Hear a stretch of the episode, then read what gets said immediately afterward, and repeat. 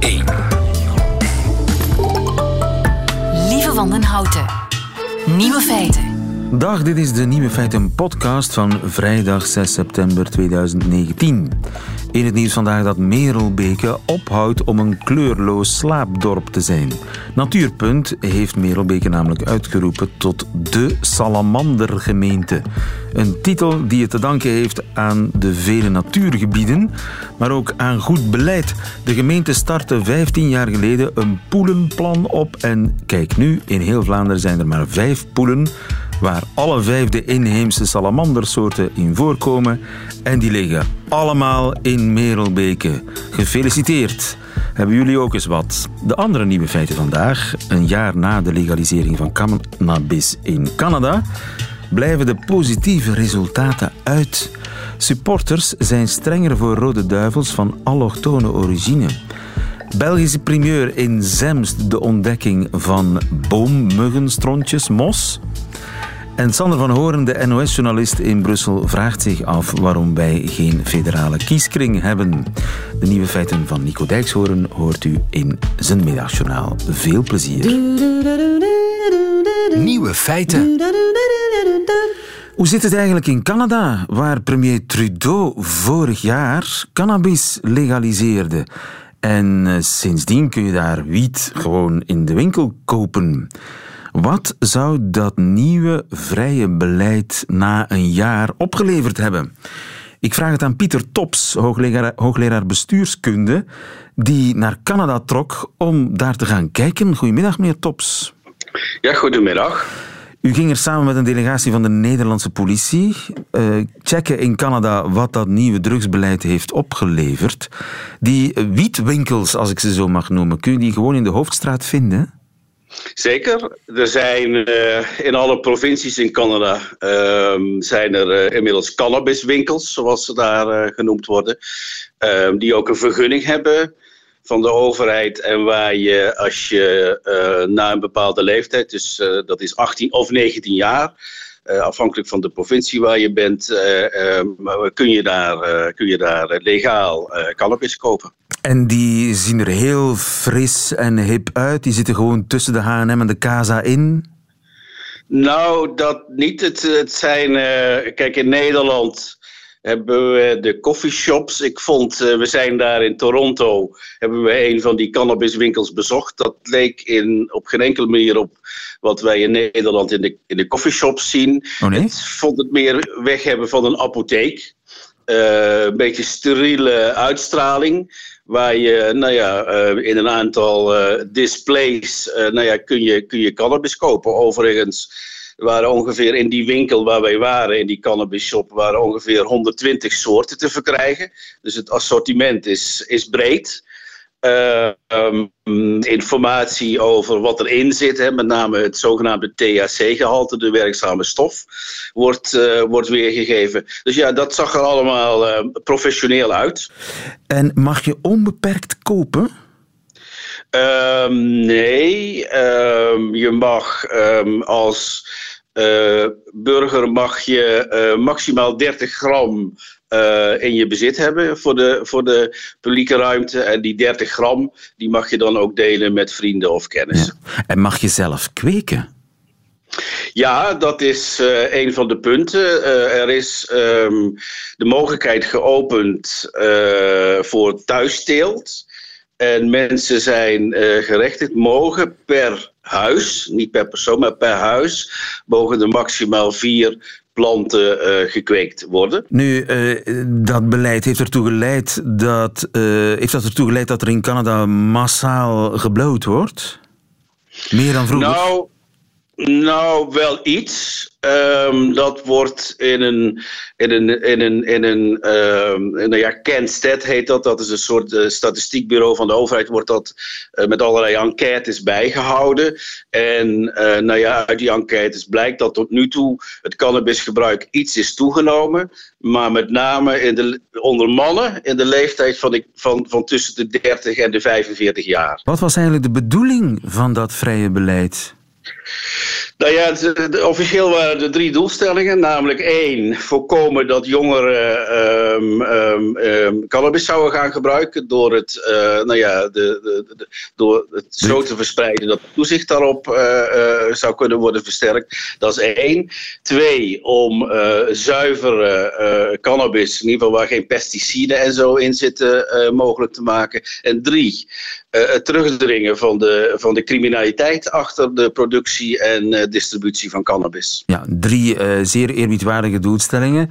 Zijn die ook gelukt? Laten we beginnen bij de jongeren van de cannabis afhouden. Is dat gelukt? Het is natuurlijk, hè, dat moeten we sowieso bij alles zeggen. Het is in oktober vorig jaar ingevoerd. Dus ja, het is een klein jaar nu. Maar goed, de, de voorlopige resultaten die tonen dus aan dat, dat het gebruik onder jongeren alle waarschijnlijkheid niet, niet is toegenomen. Of het is afgenomen, dat, dat weten we nog niet precies. Ja, de spullen die in die winkels worden aangeboden die zijn getest en zuiver. Dus dat zal wel oké zijn, neem ik aan. Zeker, ja. Ja, ja dat ziet er ook, dat ziet er ook uh, gewoon streng gereglementeerd uit. En ook in die, nou ja, wat ik zei, in die, in die cannabis shops, daar staat ook bij wat de THC-gehalte is. Uh, dus als koper weet je ongeveer wat er in, in de spullen zit ja. die, je, die je aanschaft. Ja, maar de voornaamste doelstelling was uiteraard om het illegale circuit de wind uit de zeilen te nemen. Om door, door de installering van een legaal circuit concurrentie te bieden aan het illegale circuit, uh, waardoor dat uh, uitsterft, is dat, zijn er sporen te zien dat dat aan het lukken is? Daar zijn nog weinig aanwijzingen voor. Um, het, uh, het, illegale en criminele circuit um, is, is niet kleiner geworden. Hè, dus dat geeft ook een beetje aan hoe weerbarstig deze materie is. Er is een uitgebreid legaal systeem ontstaan, dat hebben we bekeken. Dat ziet er eigenlijk best goed doordacht uit. Maar toch zitten er een, zitten er een aantal zwakke plekken in uh, die, het, uh, nou ja, die het gevoelig maken voor, uh, voor nou ja, afname in die illegale en criminele wereld. Maar waarom zou ik nog wiet kopen in het illegale circuit als ik het ook legaal kan doen? Ja, ja dat is een vraag die in Canada ook veel mensen zich stellen. Nou ja, er zijn een paar voor de hand liggende redenen. Eén, nog niet overal zijn in de buurt cannabiswinkels. Dus ja, hoe moet je dan? Je kunt natuurlijk ook online bestellen. Maar goed, voor een aantal mensen geldt uh, dat ze het gewoon blijven kopen bij de mensen, bij de dealers uh, waar ze contacten mee hebben en die ze kennelijk vertrouwen. En is het goedkoper misschien?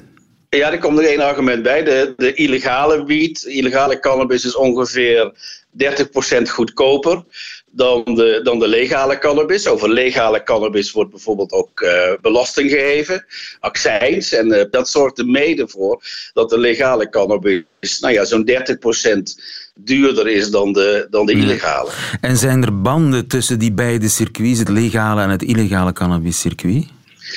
Nou ja, um, er zijn een paar dingen. Um, je mag, we hadden het erover, de thuisteelt van die vier planten.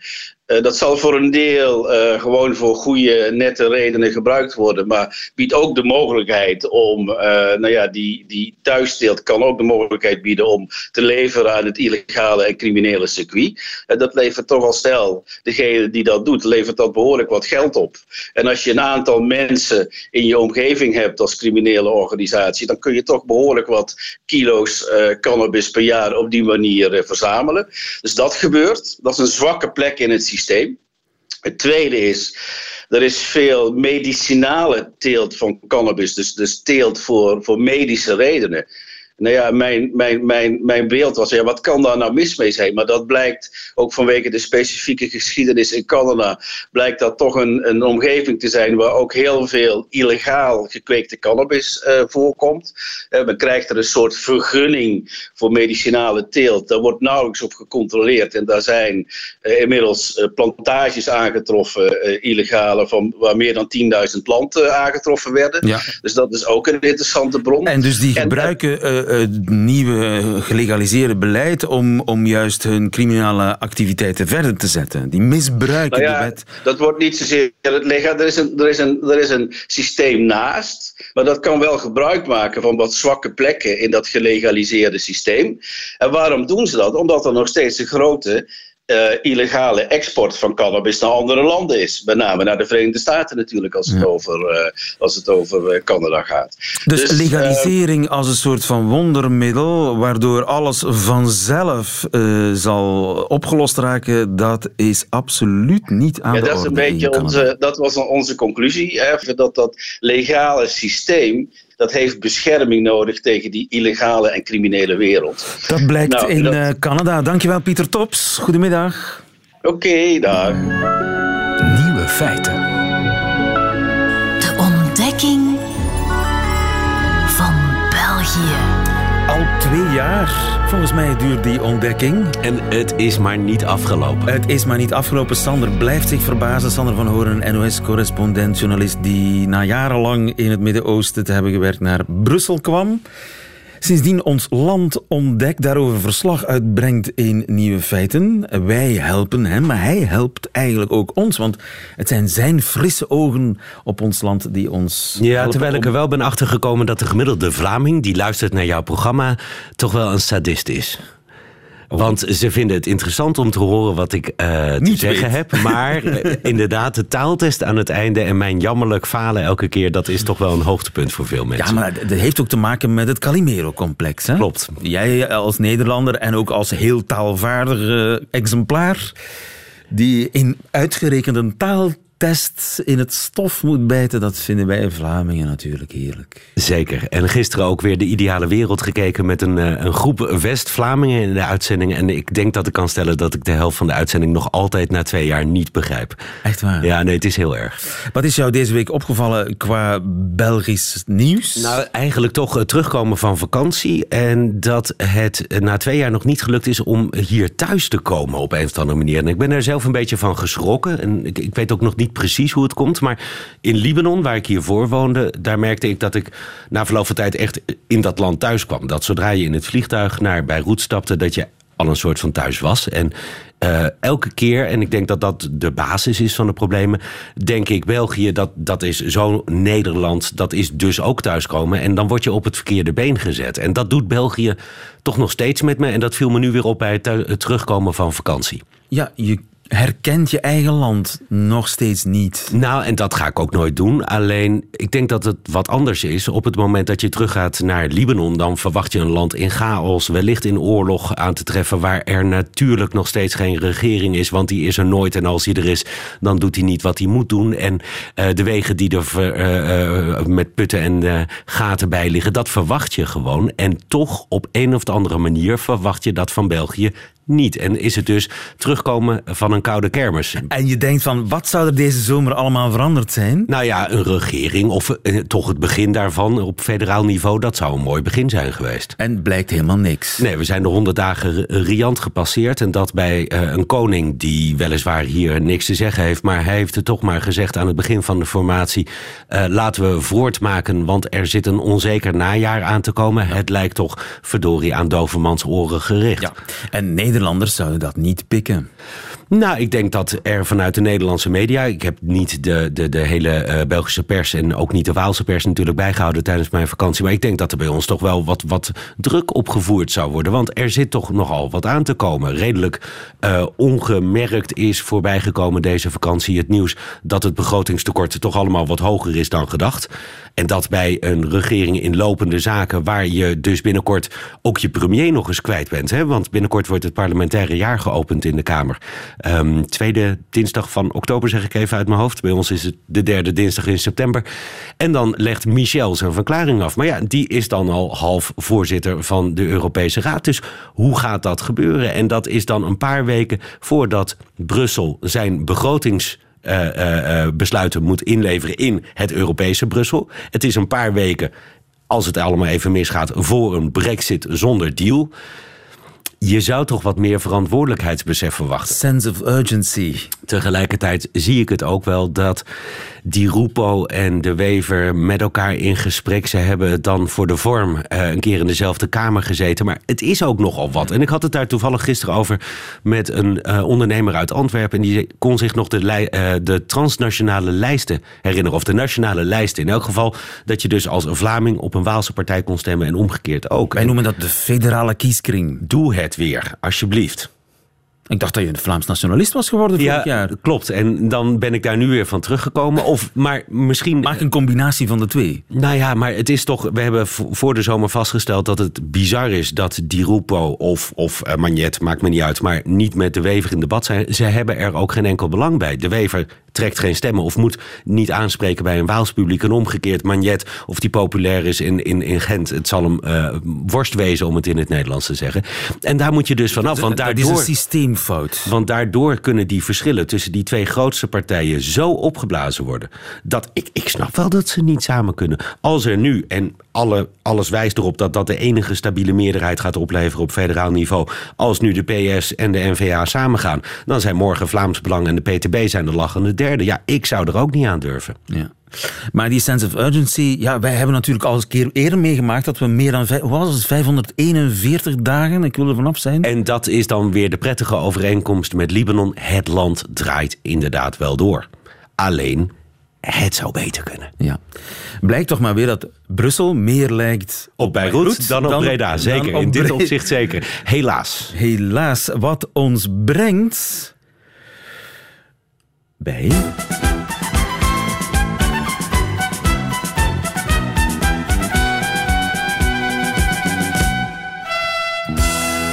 Examen Vlaams. We gaan het examen Vlaams eh, uitbreiden dit seizoen. Eh, we, we hebben het niet alleen over de Vlaamse taal, maar ook over de Vlaamse cultuur. Wat vind je daarvan? Ben je daar eh, klaar voor? Nooit. Oké, hier gaan we. Wat kun je hierover vertellen? Pascalke, een dagschotel. Ja, dat klinkt uit een Vlaamse soap, maar ik heb geen idee. Ja, ja. En Wat betekent een dagschotel? Nou ja, een dagschotel in mijn termen is de dagschotel in een restaurant die elke dag verandert. Maar ik zal er ongetwijfeld heel erg naast zitten. Het is een iconische uitdrukking van een iconisch personage in een iconisch feuilleton. Ja, rub it in. Het feuilleton heet FC de Kampioenen. Kun je daar iets over vertellen? Oh, ja, ja, ja, ja, voetbalserie. Ja, Juist, ja. ja, ja. En de die... figuur is Nee, ik heb hem nog nooit gezien, sorry.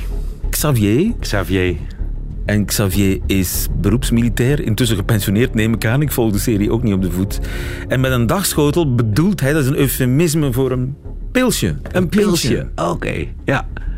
Wat ik trouwens het mooie vind aan deze taaltest is dat jij zo stilletjes even vaak door de mand valt ongeveer als ik. Houd stil. Dus, eh, maar een Hannekesnest. nou zeg, nee, echt geen idee. Een Hannekesnest. Heb je hier de hele zomer over na kunnen denken? Nee hoor, een uur geleden zijn we daarover beginnen nadenken. Hannekesnest. We wisten dat, dat je het over de, de Belgische politiek zou eh, Maar is dit in het, dat kader of in het Ja. kader van FC de Ja, Kampioenen? dat is een tip. Een Hannekesnest. Het is een Hannekesnest. Een warboel, een onontwarbare kluwen, geen idee. Dat is helemaal goed. Oké, Ja. Gordiaanse knoop. Ja, het Hannekesnest komt, heb ik mij ooit laten wijsmaken, van een eksternest. Oké. En een eksternest is een ratje toe. Ja, van bij elkaar gejatte dingen. Inderdaad. Wat is beuzelen? Beuzelen. eh wauwelen. Nee. Nee? Fout. Beuzelen is wat nogal vaak gebeurt in de Britse politiek op dit ogenblik. Ehm, ja, dan nog. Nee, er gebeurt zoveel in de Britse politiek. Onvoorspelbare dingen. eh, nee, vertel het me liever. Beuzelen is liegen. Liegen, ah, oké. Oké. Wie is dit? En, en dan vraagt hij mama, wie is er tegen meneer Verrastenhoven? En ik heb dan gezegd, zonder hier een naam te noemen, nee, allemaal, hè. Maar, maar, maar, maar, ja, maar, maar toen vraagt de mama, en waarom zijn ze dan tegen meneer Verrastenhoven? Ja, en toen heb ik hem al het verteld wat dat jullie gezegd had, met, met mijn naam en toenaam. hè. Ja, maar mannen, dat is omdat ik nooit in hier liggen heb. Heb je het verstaan? Eh, nee. Eh, dat we zeggen natuurlijk eh, delen. Maar het doet me wel aan jouw redacteur Jan denken, een beetje die stem. Maar nee, ik zou het niet weten. Geen idee. Nee, maar ja, je doet nu alsof ik de hele Belgische televisiegeschiedenis aan het terugkijken Ja, maar dit is echt, dit is echt, Echt klassiek. erfgoed, hè? Dit is Vlaams erfgoed. Dit hoort bij de kanon, hè? Ja. Ja, het is niet uit... Doe een gok, Het is niet gok. uit TikTok. Doe een gok. Nee, ja, wauw. Ja, ik kan het altijd er nog op wijten dat ik nu een blackout heb. Want zo voelt het met dat muziekje er wel een beetje bij. Ja. Hij is Jommedox. Nou, nee, En geen Jommedox was een figuur in de legendarische televisieserie Floris. Nee, geen... De, de collega's. De collega's eindeloos herhaald, eindeloze remakes. Er is zelfs nu een, een recente film, De Collega's 2.0. Oké. Ja. Ik denk... En hij was de klasseerder. Wat is een klasseerder? Ja, iemand... Ik heb ook geen idee. Iemand die iets doet op een Ja, ministerie. klassificatie doet, Dingen, ja. dingen Ja. klasseert. Ja. Oké, maar... Ik denk dat je het ietsje makkelijker moet maken om Ja. nog het idee te hebben dat ik een kans maak. Ja, maar omdat je, je, je was vorig seizoen zo goed bezig, hebben we het wat te moeilijk gemaakt misschien. Ja. Maar hij, hij had het over, eh, of iemand zei eh, tegen Jonge Dogs, wat ben jij een viswijf? Wat is een viswijf? Ehm, iemand die schreeuwt en hard roept en eh, gemeen is tegen anderen. Dat is toch een viswijf in Nederland volgens mij. Een kenau een beetje. Ja, maar een viswijf is eigenlijk iemand die kletst. Ja, ja, oké. Nee. Iemand, iemand die roddelt, iemand die geen, geen geheimen kan bewaren. Ja. Die alles maar doorvertelt. Oké, volgens mij heeft viswijf in de Nederlandse connotatie toch inderdaad meer iets van een kenau. Oké, Ja. dan leer ik ook eens iets bij. En dat is uiteindelijk toch ook de bedoeling. Goed zo. Dankjewel. Oh, we hebben het ook over de Vlaamse kanon, Vlaamse cultuur. Kenji Minogue. Wat is Kenji Minogue? Kylie Minogue ken ik. Kenji Minogue. Is de zus van? Bijna. Kenji Minogue is een, een Gens groepje, electropop. Met... En Kenji Minogue is eigenlijk West-Vlaams voor ken je me nog? Ken je me nog? Oh, Ja, oké. en zo klinken ze. Dankjewel, Sander van Hoorn. Tot volgende week. Nieuwe feiten. Dries van den Broek die heeft in het bos van A in Zemst iets gevonden dat nog nooit in ons land is gezien. Met name boommuggenstronjesmos. Proef het woord. Boommuggenstronjesmos. Dag Dries. Hallo, dag. Dries van den Broek van de plantentuin van Meissen. Jij hebt dat boommuggenstronjesmos ontdekt. Hoe heb je dat eh, klaargespeeld? Ja, dat is eh, tijdens een excursie van de werkgroep Priologie en Lichenologie gingen wij in het, eh, op uitnodiging van de beheerder van het natuurreservaat het Bos van A in het moerasbos dat nu toevallig toegankelijk was omdat het de laatste jaren zo droog was. En dus we kijken met onze loepen eh, naar korten op bomen. En daar hebben we dan een kortvormige soort gevonden met een witte ondergrond en zwarte, heel kleine vruchtlichamen.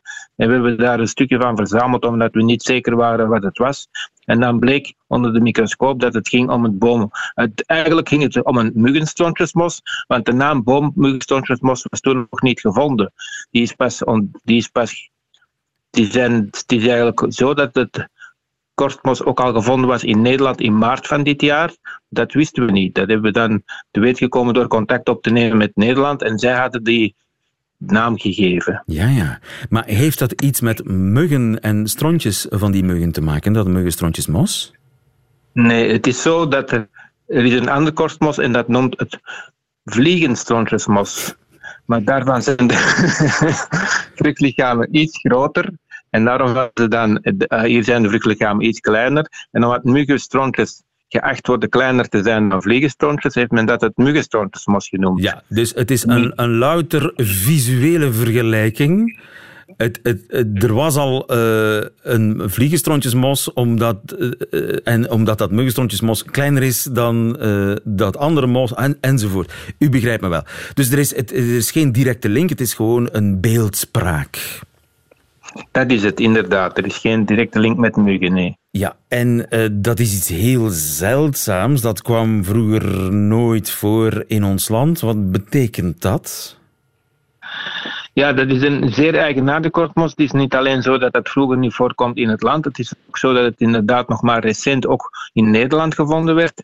En in 2012 in het Groothertogdom Luxemburg. En dan zijn er autovondsten bekend van het zuiden van Frankrijk en van Duitsland. Maar in Duitsland staat het beschreven als verdwenen, als mogelijk verdwenen. Want natuurlijk, men weet dat nooit zeker. Maar men vindt het toch niet meer terug op de plaatsen waar het vroeger stond. Dus het is een kosmos dat heel, ook in onze omringende landen, heel zeldzaam is. Wat erop wijst dat het eigenlijk in heel specifieke omstandigheden kan groeien enkel. We En vermoeden dat het gaat om... Ja, die omstandigheden, dat heeft te maken met vochtigheid, moerassigheid. Dat denken we, ja, inderdaad. Want in Nederland is het gevonden in de Biesbos en dat is ook een vrij vochtig gebied, ja. Dus het is eigenlijk natuurbeleid dat eh, vruchten begint af te werpen. Mogen we dat zo eh, mogen we dat concluderen? Dat mag je zeker zeggen, want uiteindelijk is het... Die, de, de vondsten waar het gedaan is de laatste jaren, is allemaal in natuurreservaten. Dries van den Broek, nogmaals gefeliciteerd. Dankjewel. Goedemiddag. Radio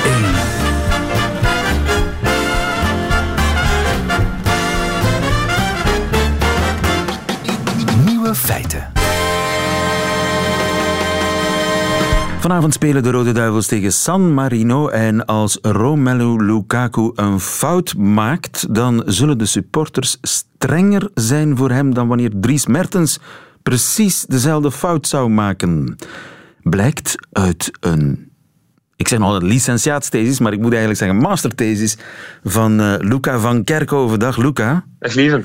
Je bent student eh, sociaal-economische wetenschappen, student af bijna, want ja, je thesis is klaar.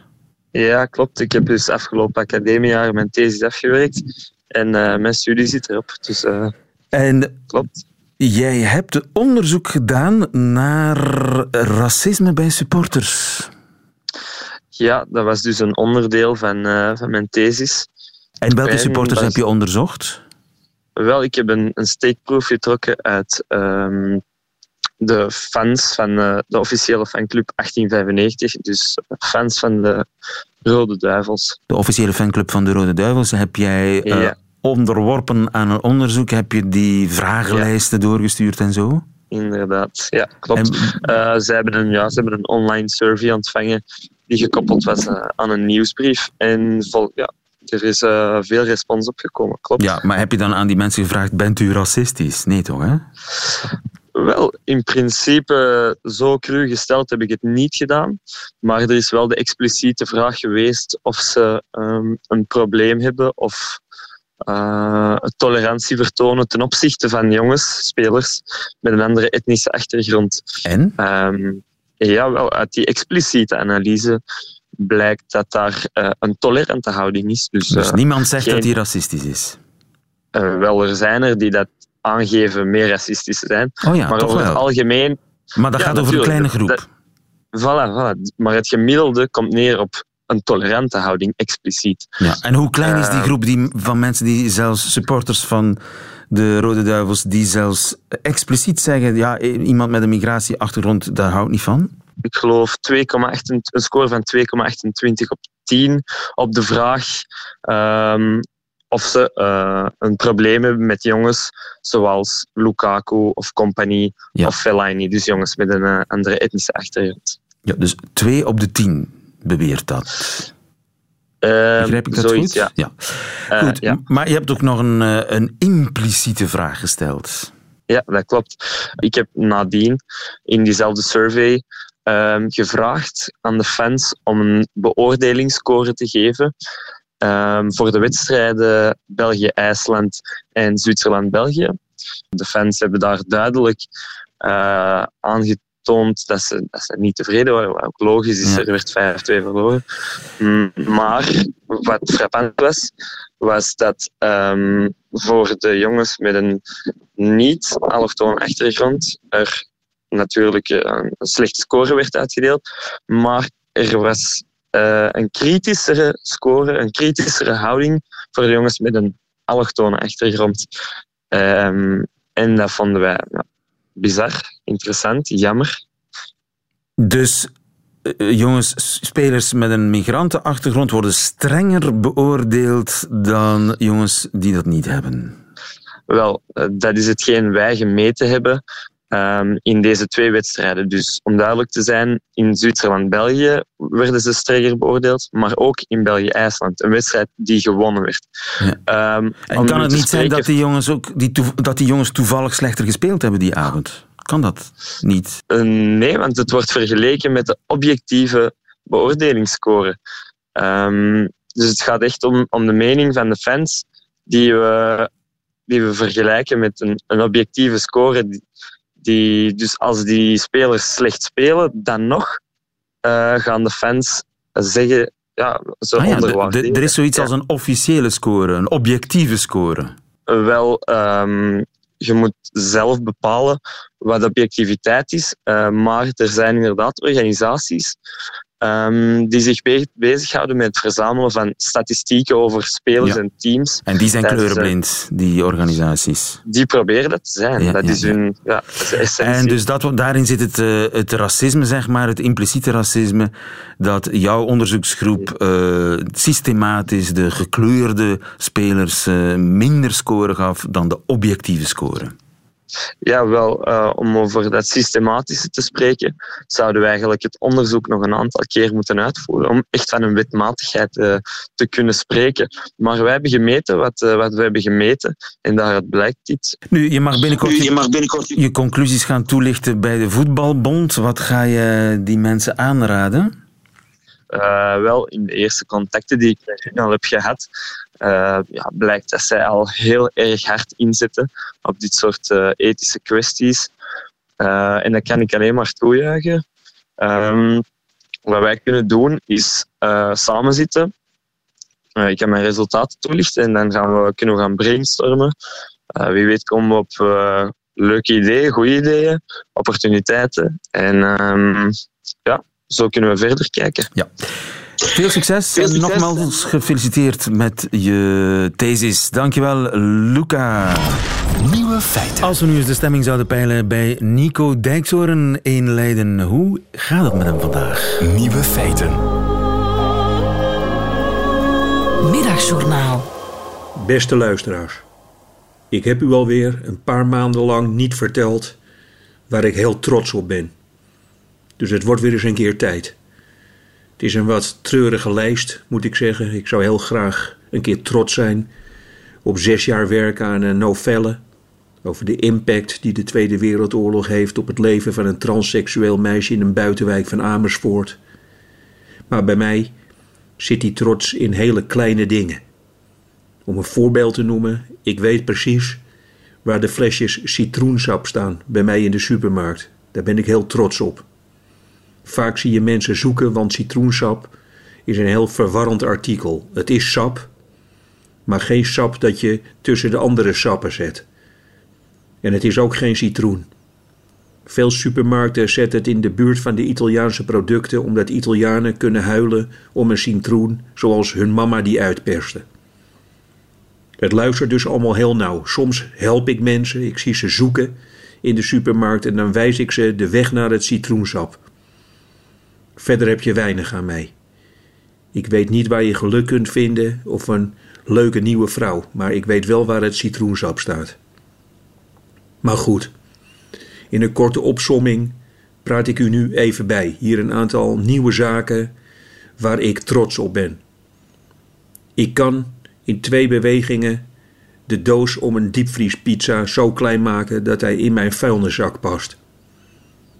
Ik herken een koe op honderden meters afstand. Voordat een kerkklok begint te luiden, weet ik al hoe laat het is. Ik kan met mijn vingers het ritme van een liedje meetikken en tegelijkertijd bier bestellen. Ik kan Jack Nicholson nadoen. Ik sla met een bijl de deur van het toilet aan stukken. Ik doe mijn hoofd naar binnen en ik roep: Hier is Nico. Ik weet de achternaam van veel dieren. In de dierentuin van Amsterdam hebben ze een sneeuwuil die Kobus heet. En ik weet dat zijn achternaam Kolenbrander is. Ik vertel dat aan andere mensen die bij het hok staan. Als ze aan mij vragen waar het woord sneeuwuil vandaan komt, dan zeg ik tegen ze: ze zitten heel graag te lezen voor een open vuur.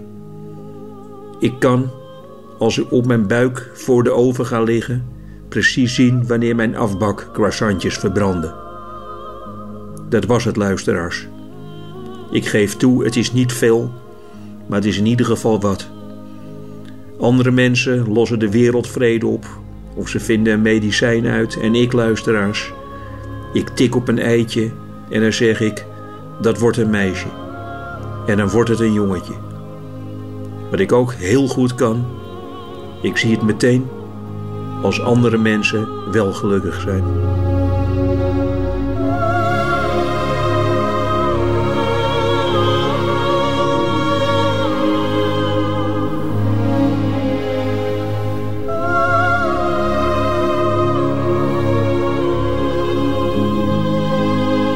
Middagjournaal met Nico Dijkshoorn. Einde van deze podcast. Wilt u liever de hele uitzending horen met de muziek erbij? Dat kan op de app van Radio 1 en ook op onze site, waar nog veel meer podcasts te vinden zijn. Tot